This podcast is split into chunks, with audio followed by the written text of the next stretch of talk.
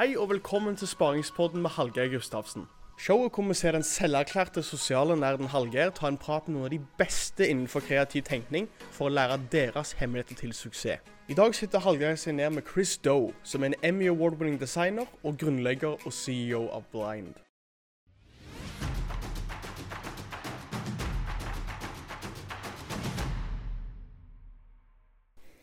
Hello and welcome back to Sparring Pod with me, Hallgeir Gustavsen. Today I'm uh, a bit fanboy, uh, I have to admit. I'm sorry about that, but uh, I have a very special guest today, uh, Chris uh, Chris Do from the Futur. Uh, please welcome him. Welcome, Chris. Hello, hello, hi. Good to see you. Same. Uh, I'm so happy that you would uh, that you were able to join me today. Uh, you are a designer, uh, CEO, uh, YouTuber. You basically you touch on all the things my podcast uh, touch upon about creativity, marketing, entrepreneurship, uh, basically uh, content production, uh, everything. So to have you as a guest is amazing. Uh, thank you so much again. It's my pleasure. It really is. Thank you. Uh, in uh, in your own words, could you tell me uh, or the the viewers I have uh, a bit more about you? Uh, just uh, what are your focus right now between blind and the Futur? Sure. I, I like to describe myself as a loud introvert that will tell you a little bit about my personality. And the Futur has this really big mission, which is to teach a billion people how to make a living doing what they love. In a former life, I was a graphic designer. I started my company in 1995 called Blind, and we made commercials and music videos for 20 plus years for some of the biggest brands and bands in the world. In 2014, a friend of mine, a former college classmate, um, said to me, Let's go make content on YouTube. And I thought that was the dumbest, craziest idea ever. And then I did it. Yeah. And in doing so, I transformed my life and my business. Now I do content creation full time. Mm. I no longer do client work, and it's been a beautiful, glorious path. Yeah, but but you um, uh, you because your voice on YouTube, which is basically my my main source of uh, learning when it comes to uh, running a business and uh, marketing in general. Uh, your voice on internet basically encapsulates everything that me in my company has learned but not vocalized in the last 10 years and you are a how how are you able to vocalize it or to put words on it uh, uh, the way you do uh, how much time do you spend thinking about these things That's a great question. Um, let me just figure out how to answer that question. okay. Um, something that people need to know is about five years into my business, I had a windfall of profit for that year. And I asked my wife, who also is my business partner, that maybe we should spend some of this money on professional resources. So that year we hired a CPA, we hired a financial planner, and I also hired a business coach. And the business coach really is the person who transformed me and my thinking in terms of learning how to run a business. Uh, up until that point, I was successful because of talent and hard work, but I hit a ceiling, and that ceiling was just killing me. So now I'm going to have to work on the things that nobody wants to work on sales, marketing, leadership, a business mindset. And so for the next 13 years, I worked with this same business coach and would meet with him once a week for 13 years. So this So is way before I make my yeah it's yeah. a lot of hard work. it, this is way before I'm even thinking social media, before Mhm. I'm thinking YouTube. And so now, fast forward to 2014, I've, I've run a business for, at that point, um, almost 20 years. And the number one thing that people would start to ask me about is, Chris, I want to start a business. What do I need to know? And I would answer these questions one on one over the telephone, Yeah. doing things like that. But eventually I got tired of doing that. And I said to this one person, his name is Frank, I said, Frank, I'll answer your question if we can record it and do it live. He's like, happy to. And so, to my surprise, when I did this uh, kind of content, it started to catch a lot of people's attention. I thought, who wants to tune into YouTube to see like an Asian bald guy talk about business and creativity. And it turns out actually quite a few people do want to hear about Yeah. business. And so we found a place and a space that wasn't really, um, it, it wasn't uh, overwhelmed with lots of people talking about it. So I was happy to be one of a few people who are talking about the business of design. Yeah, yeah, because one, uh, I I have been a nerd all my life, uh, and uh, listening to your uh, your podcast where you talked about you, it seemed to me like you also were kind of a nerd in your own space for quite some time. Uh, I have always thought uh, when you talked about having your portfolio and and nobody asking to see your portfolio but you wanting to see the other people's portfolio just to see if you were on par. Yep. Uh, yeah, I I really recognize that as something because I I really don't care about. I I know I do good work in marketing and stuff like that, but I want to see other people's results, other people's case studies. That is something that really. Uh, uh, ignites something within me to see am i on par with this? So that really resonated with me. How was that? Because uh, in uh, as you might understand I, I listened to your uh, podcast about you before this. So how why were you interested in uh, how to measure up? Because you seem like a really bright guy and uh, yeah. It, the, i think there is a question there somewhere I got the Um, question, I think. yeah, yeah. I'll try to answer. If not, redirect me, okay? Mhm. Okay. So I was led to believe that the school that I was going to was made up of mythical unicorns of creativity. And when I got there, I started to wonder where do I fit in this pantheon of design greats? I'm talking about my classmates. I'm not talking about the instructors. no no yeah and and I came late to design. Um, I started to become serious about it only like a year prior. It wasn't like I, I lived all my life saying I'm going to be a designer. I actually didn't allow myself that thought. And so I'm relatively inexperienced, and I, I grew up in Silicon Valley. There there weren't a lot of great uh, creative resources for me, at least at that time. And so I thought I don't know anything. And the best way to know is to find out and to be brave enough to ask. So I wanted to confirm my suspicion, which was is this the, the world's greatest gathering of creative human beings, or is it not? And so I, I dared to ask, and people will show it to me, and like, oh, it's a bunch of student exercises. It's not Yes. that good. Shoot, let me just try another one. Maybe this is an anomaly. So Mhm. every person who's willing, I would watch or would look at their portfolio, and and that's how I started to understand, like contextually, this is where I fit. Yeah, and I, I was. Can, can I ask you how old you are? Because I, uh, in my Google search, it said 32. Yes, But- I'm I'm 49, Yeah, good. just a few years off. Because yes, thank you. Because I, uh, regarding that Google search, I was thinking he's 32 years old and he started his company in '95. Wow, that's that's young. Uh, but but you're you're not that amazing. You're just amazing in another way. Yeah, yeah, good. Okay, because I, I started my my first company in 99 i was 17 year old and i bicycled to um, uh, to a company uh, and i told them that you guys need to be on the web uh, at that time it was the web and i uh, and he said like yeah okay uh, tell me about this the web and uh, he said uh, okay this sounds like a good idea. How how much does it cost? And i was like oh shit. How much does the website cost? I don't know.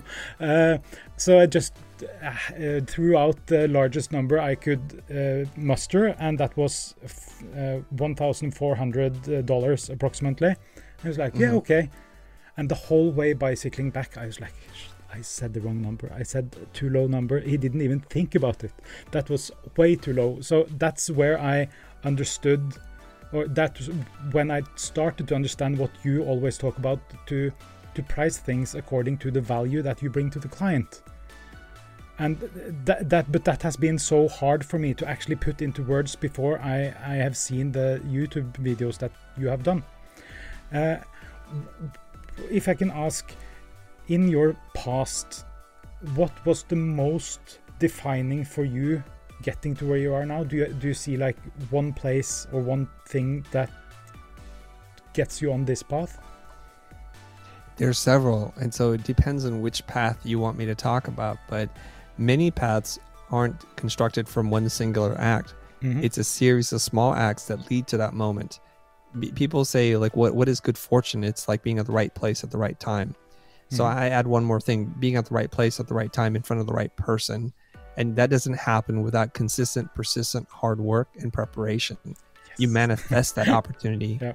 in into happening into reality when you when you're prepared. So for me, the big breakthrough was when I was able to do a national car commercial. Okay, so once we did a national car commercial, everybody else would say, "Okay, you're legitimate. You know what you're talking about. We know how to sell you. We know how to work with you." And at that moment, our company blew up in in, in wonderful ways. But before you can get that national car commercial, you have to do the regional car commercial. Of course. And before you can get that, you have to do something simple, and then you just keep tracing it all the way back. And usually, for a lot of things, I can trace it back to the singular act. And it all began when I was still in school.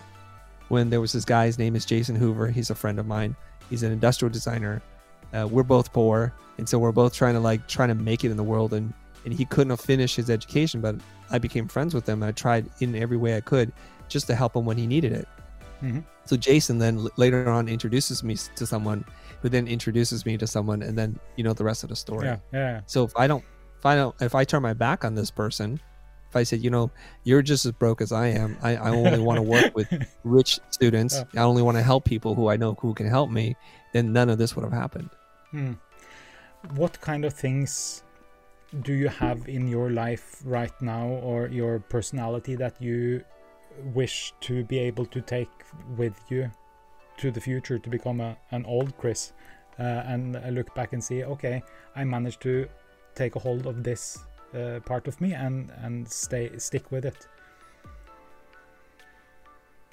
Uh, well, I, I think my uh, the thing I'd like to never lose is my curiosity, my love for learning, and my love for helping other people, and that that gives me uh, very selfish, genuine joy. And I, I think it's a human nature thing. Yeah. I think sometimes we've moved away from this idea. Like I got a message from somebody today, and, and they said something like, "I don't have a business without the things that you've shared." You've Yeah. helped me to transform from going from a $500 logo to a $20,000 logo or something like that.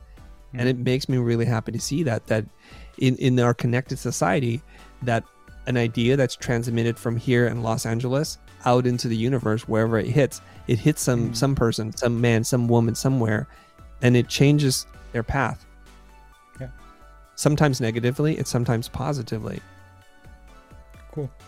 Uh, your uh, your agency is named Blind, uh, and in your um, capabilities deck, there are some words about the the background of that name. Uh, would you like to explain the the reason behind Blind? Sure. Um, blind there's there's a lot of different explanations and I'll give you both, okay? Yeah. Uh, when, when I grew up, I loved skateboarding, and there was a company uh, called Vision, and Vision was a corporation, and they had lots of money.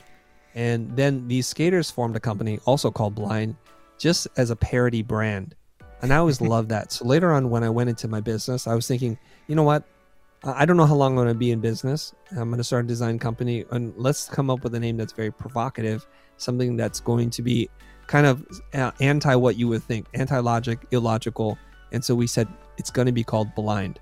But it's also married with our design philosophy, Mhm. which is I don't believe in having a strong personal style that I impose on my clients. So we say we don't begin the project without you. We begin without preconceived ideas or notions. We begin without prejudice. We begin without assumptions. We begin blind. And that's that's the meaning we tell our corporate friends. Can can I uh, tell you uh, one of the questions uh, me in my agency ask new designers in the interview process is that is it very important to you to put your spin your your feelings and uh, and thoughts on the work we present to our clients and if they answer yes, then the interview is over. uh, because yeah, because uh, yeah, and that has been as I've been in the company for six years now, uh, and I, I was told that when I started, it's like we work for the client. We we do not uh, put our uh, stamps or our feelings on the client's work because it's supposed to be for the client. Uh, and then when I see that in your capabilities deck also, I'm like, yeah, this is this is uh, this is actually not something that you have thought about or that I have thought about. This is just how it should be in my mind. if you understand what I mean. Absolutely.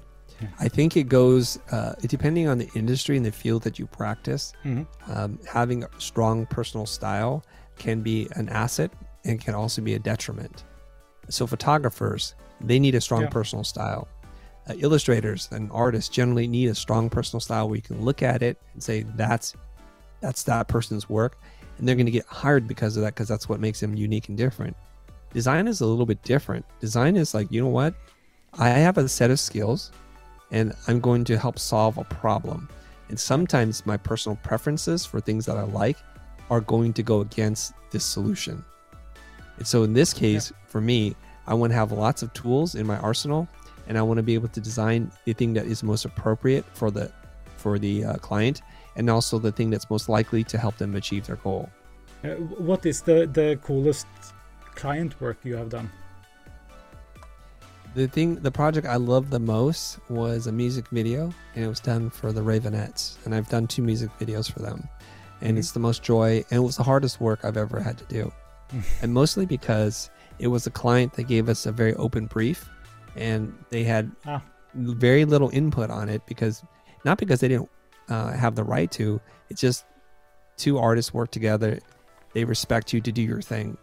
Yeah. And that creates immense pressure because you know when things don't work out from a client that's very controlling, you could always tell the team, "Yeah, it wasn't as good because they made us Yeah. do this, right?"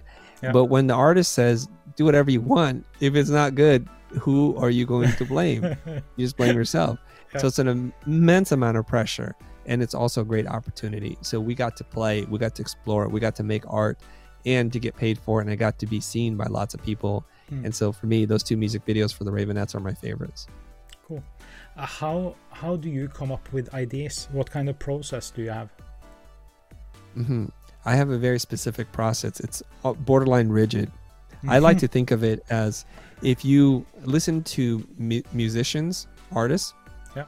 um, the ones that understand a process, their their creative formula, are able to make hit after hit, and the ones who luck into it, they're called one hit wonders. One hit wonders. Yeah. Yeah, they for whatever reason they got together and they made this really amazing piece of music, and they have no idea how they got there.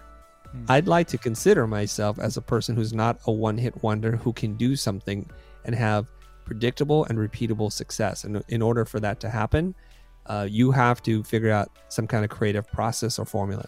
So for me, almost always, it begins with understanding what the problem is, and I need really strong uh, focus and clarity from the client. Like the solution sounds like this in, in just words. Like, can we commit to two or three words? Once I have that, I go into research mode and I have uh, usually a team of designers working for me. I, I will say uh, it's about beauty, it's about sacrifice, it's about whatever the words are. I want you to find images, art, um, still frames, photography, illustration, videos on anything that you think relates to this. And we create these gigantic buckets. And so if I have a team of designers, there can be literally hundreds of things in each one of these buckets. And I can quickly scan through and I'm like, I like this, I like this. And then I let my imagination take over. Like, based on the theme of love, uh, this image is speaking to me. And I'll go away and I'll sit down and like, why? And I'll write some ideas down. I'll try to create a story around that. And then I give that story back to the designers and I said, find me images that tell this story. And we start to shape the story together. That's typically how I work. Yeah, and then this uh, goes out into uh, what do you call it? This something something scope. Is, uh, one of these long boards, Oh, Stylescape? stylescapes. Yeah, Uh, Yes. Does d- d- d- these things turns into stylescapes, or uh, have I misunderstood the process? Okay, if I'm doing brand identity design work for Yeah. a client, the process is a little bit different. Ah, I was, okay, I. I'm sorry, because I was thinking music videos and commercials. yeah, uh, yeah. You have to write a story, and so it's a little different. Yeah, okay, Yeah, yeah, so- I understand. So, uh, okay, so in music videos, then you you kind of think up the story based on images, based on words. Uh, yep, but themes. in hmm yeah, in uh, in client work with uh, brand styles, brand, uh, then you, Different process. yeah, that's a different. Let me explain that one. yeah, yeah. please. Okay. So when I'm doing branding, brand identity and design, it almost always begins with a facilitated discovery session with the clients. We sit down, we understand who the users are, what the end goal is, and what the brand attributes are, their tone and voice and look and feel. And we, we just use mostly words. Then we create a customer journey map about how our ideal client is going to become aware of us, how they form interest and desire, and what ultimately causes them to take action. And in doing so, we have a pretty good roadmap of all the deliverables that need to be built in order for this customer journey to to manifest itself. Okay. Then we go back to the studio and I say, okay, I'm gonna write the internal positioning statement for this brand, and here are their goals, and here are keywords that define them, their their tone of voice and their look and feel. And then what happens is they start to build the stylescapes for me. And I also Yeah. collaborate with a copywriter to start to figure out how does this brand sound? What's the voice?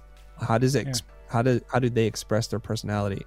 And so we're working in concert with each other. So the stylescapes start to get built, and then we get those approved by the client.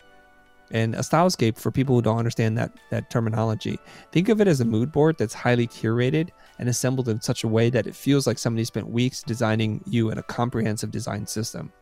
It, it involve uh, textures, colors, materials, packaging, typography, signage, kind of everything that we think fits the brand. And then we, we present that to the client. They typically just pick one. Sometimes they have small notes, but if we're doing our job, if we're like really good at listening, Listening. then we're not that far off, right? It's usually 85% there. They'll, they'll say, like, that doesn't feel like the right demographic. So if you can change the person, that's too cool. That's too aspirational. So we pull it back a little bit. From that, we actually then begin the design process. Now we're kind of being able to look into the future. The client's already pre approved the general direction. Yeah. And now the designers can really sit there and refine and draw a beautiful logo, build out textures and patterns, and build out the entire identity system. Uh, what what is the best idea you ever had? Uh, if you could like have a the best idea from Chris Do. Mm.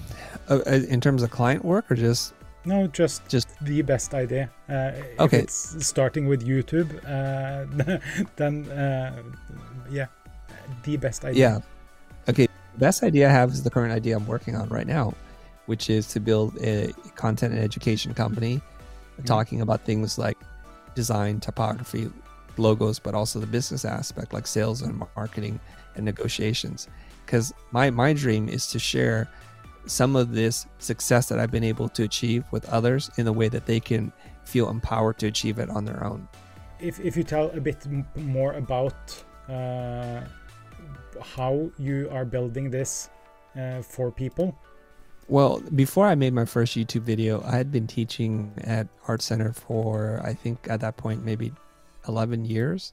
Yeah. And it's some of the, my happiest moments, which is to come into a classroom to deal with uh, 10, 12 hungry students, hungry minds wanting to know, and the push and pull between the tension and the solution, the resolution, those kinds of things make me really happy. Hmm. And the reason why I love teaching so much is, and and this sounds like a cliche, but but I've always learned more from my students than I've ever taught them.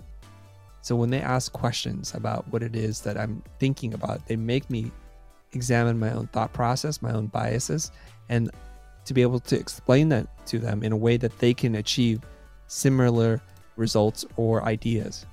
And it's it's a really wonderfully exhausting, beautiful thing. Because for five hours we sit together in a room with lots of sticky notes and whiteboards and drawings and just working together and trying to share some of what I've learned in the last X number of years to help them. Hmm. But the problem with all that stuff was it's a fairly short-lived finite experience. I teach Yeah. for 14 weeks. It's five hours a week, and then it's over. And you touch the lives of maybe 10, 12 students at a time. The people in lucky, the if they're all paying basically. attention. Yeah, yeah, yeah. yeah. and then you repeat the entire process again the next semester and you just do it over and over it changes it evolves but essentially it's the same Yeah. so my wife had challenged me she's telling me like why don't you try and teach more people there's more for you Mhm. and i, I don't know sh- that she was thinking youtube but she was just thinking you're a smart person figure it out Figure it out. so yeah. then I have to go in and have to think about that. Like, what can I do?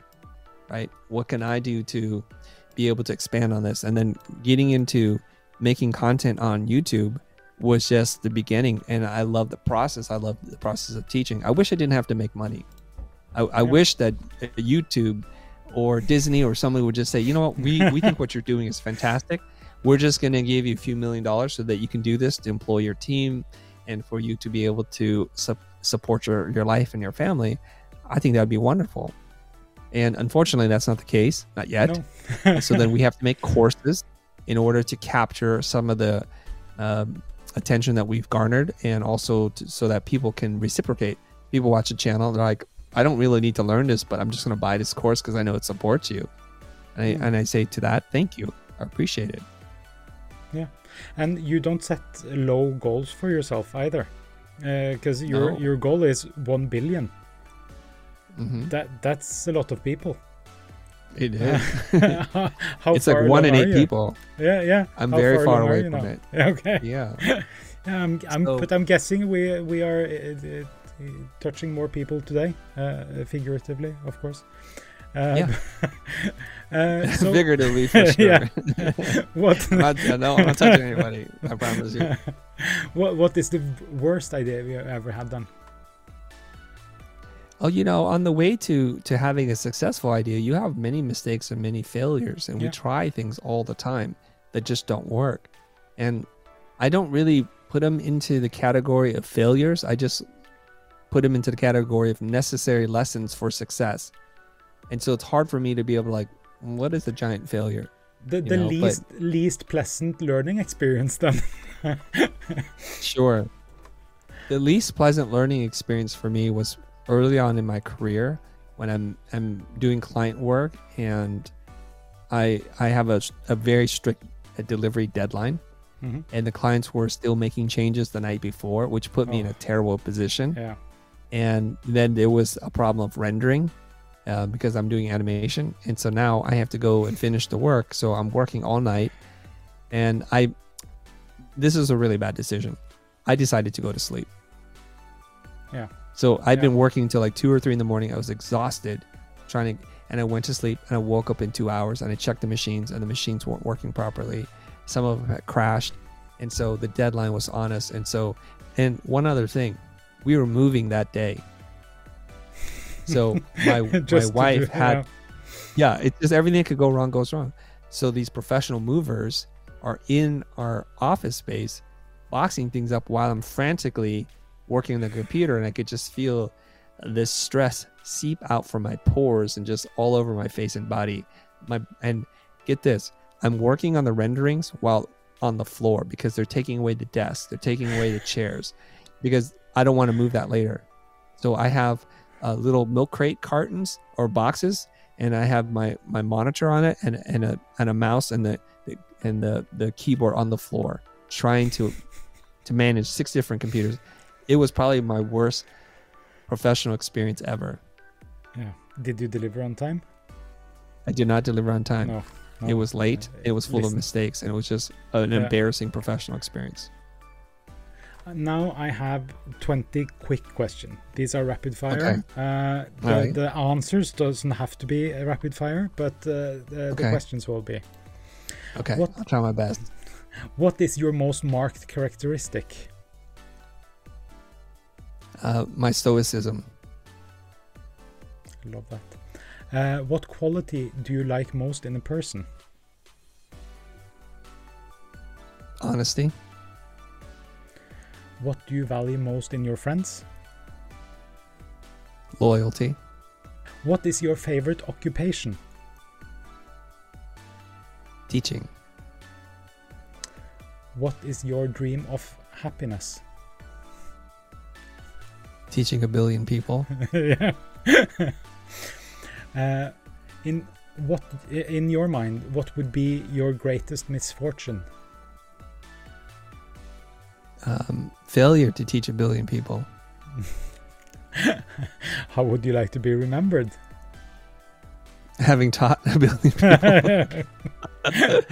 I mean, I I love Yeah. teaching, and Yeah. I'm frustrated because the the building the business part gets in the way of the teaching part. Like I, I need to make money. I need to be a team, and I like to grow my team and scale our efforts, and to be able to bring in many teachers. So there's a lot of pressure that I put on myself for the business model to succeed.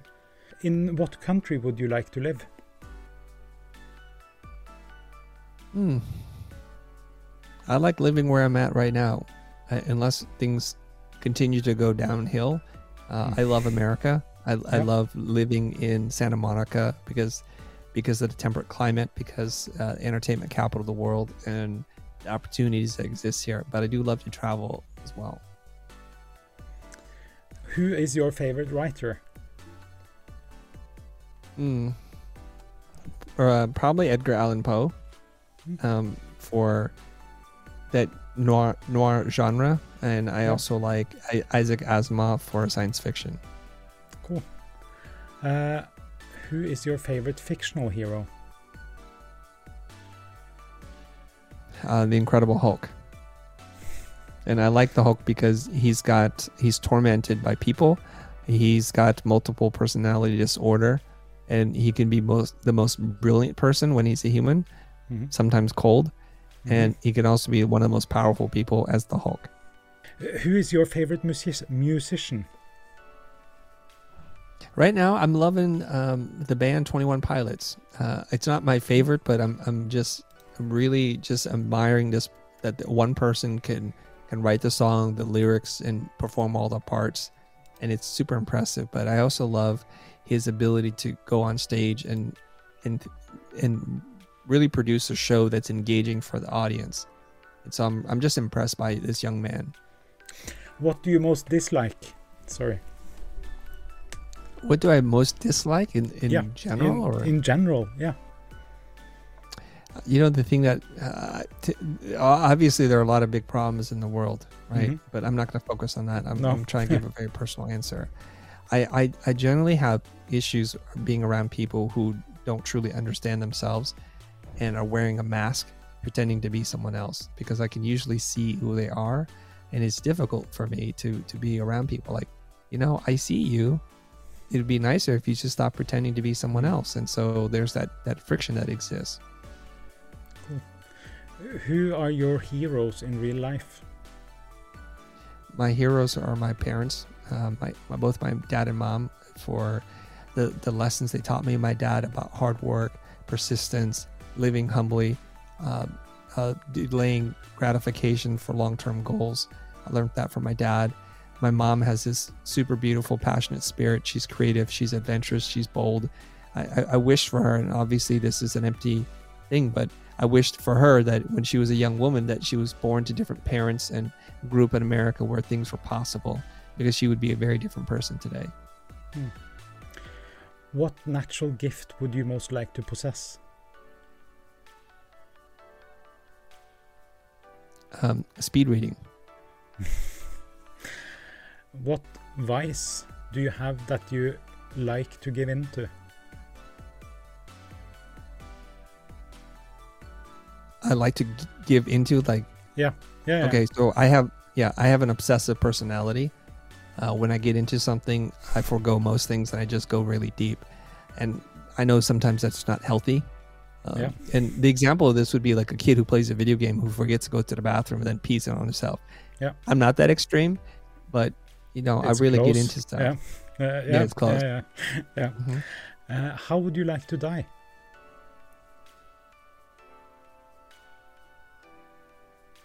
Um, I, I would like to die um, um, around my loved ones and knowing that uh, I, I, I did more good in the world and that I, I gave more than I took.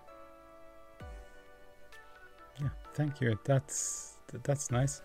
Uh, thank you so much for joining me on my podcast, Chris. Uh, it was a pleasure to have you here. Thank you very much. The lightning round questions are tough, man. Yeah, it's not tough. supposed to be easy. Uh, to everyone watching, thank you so much. Uh, check out uh, Chris. Uh, have a good day, and we'll talk suddenly.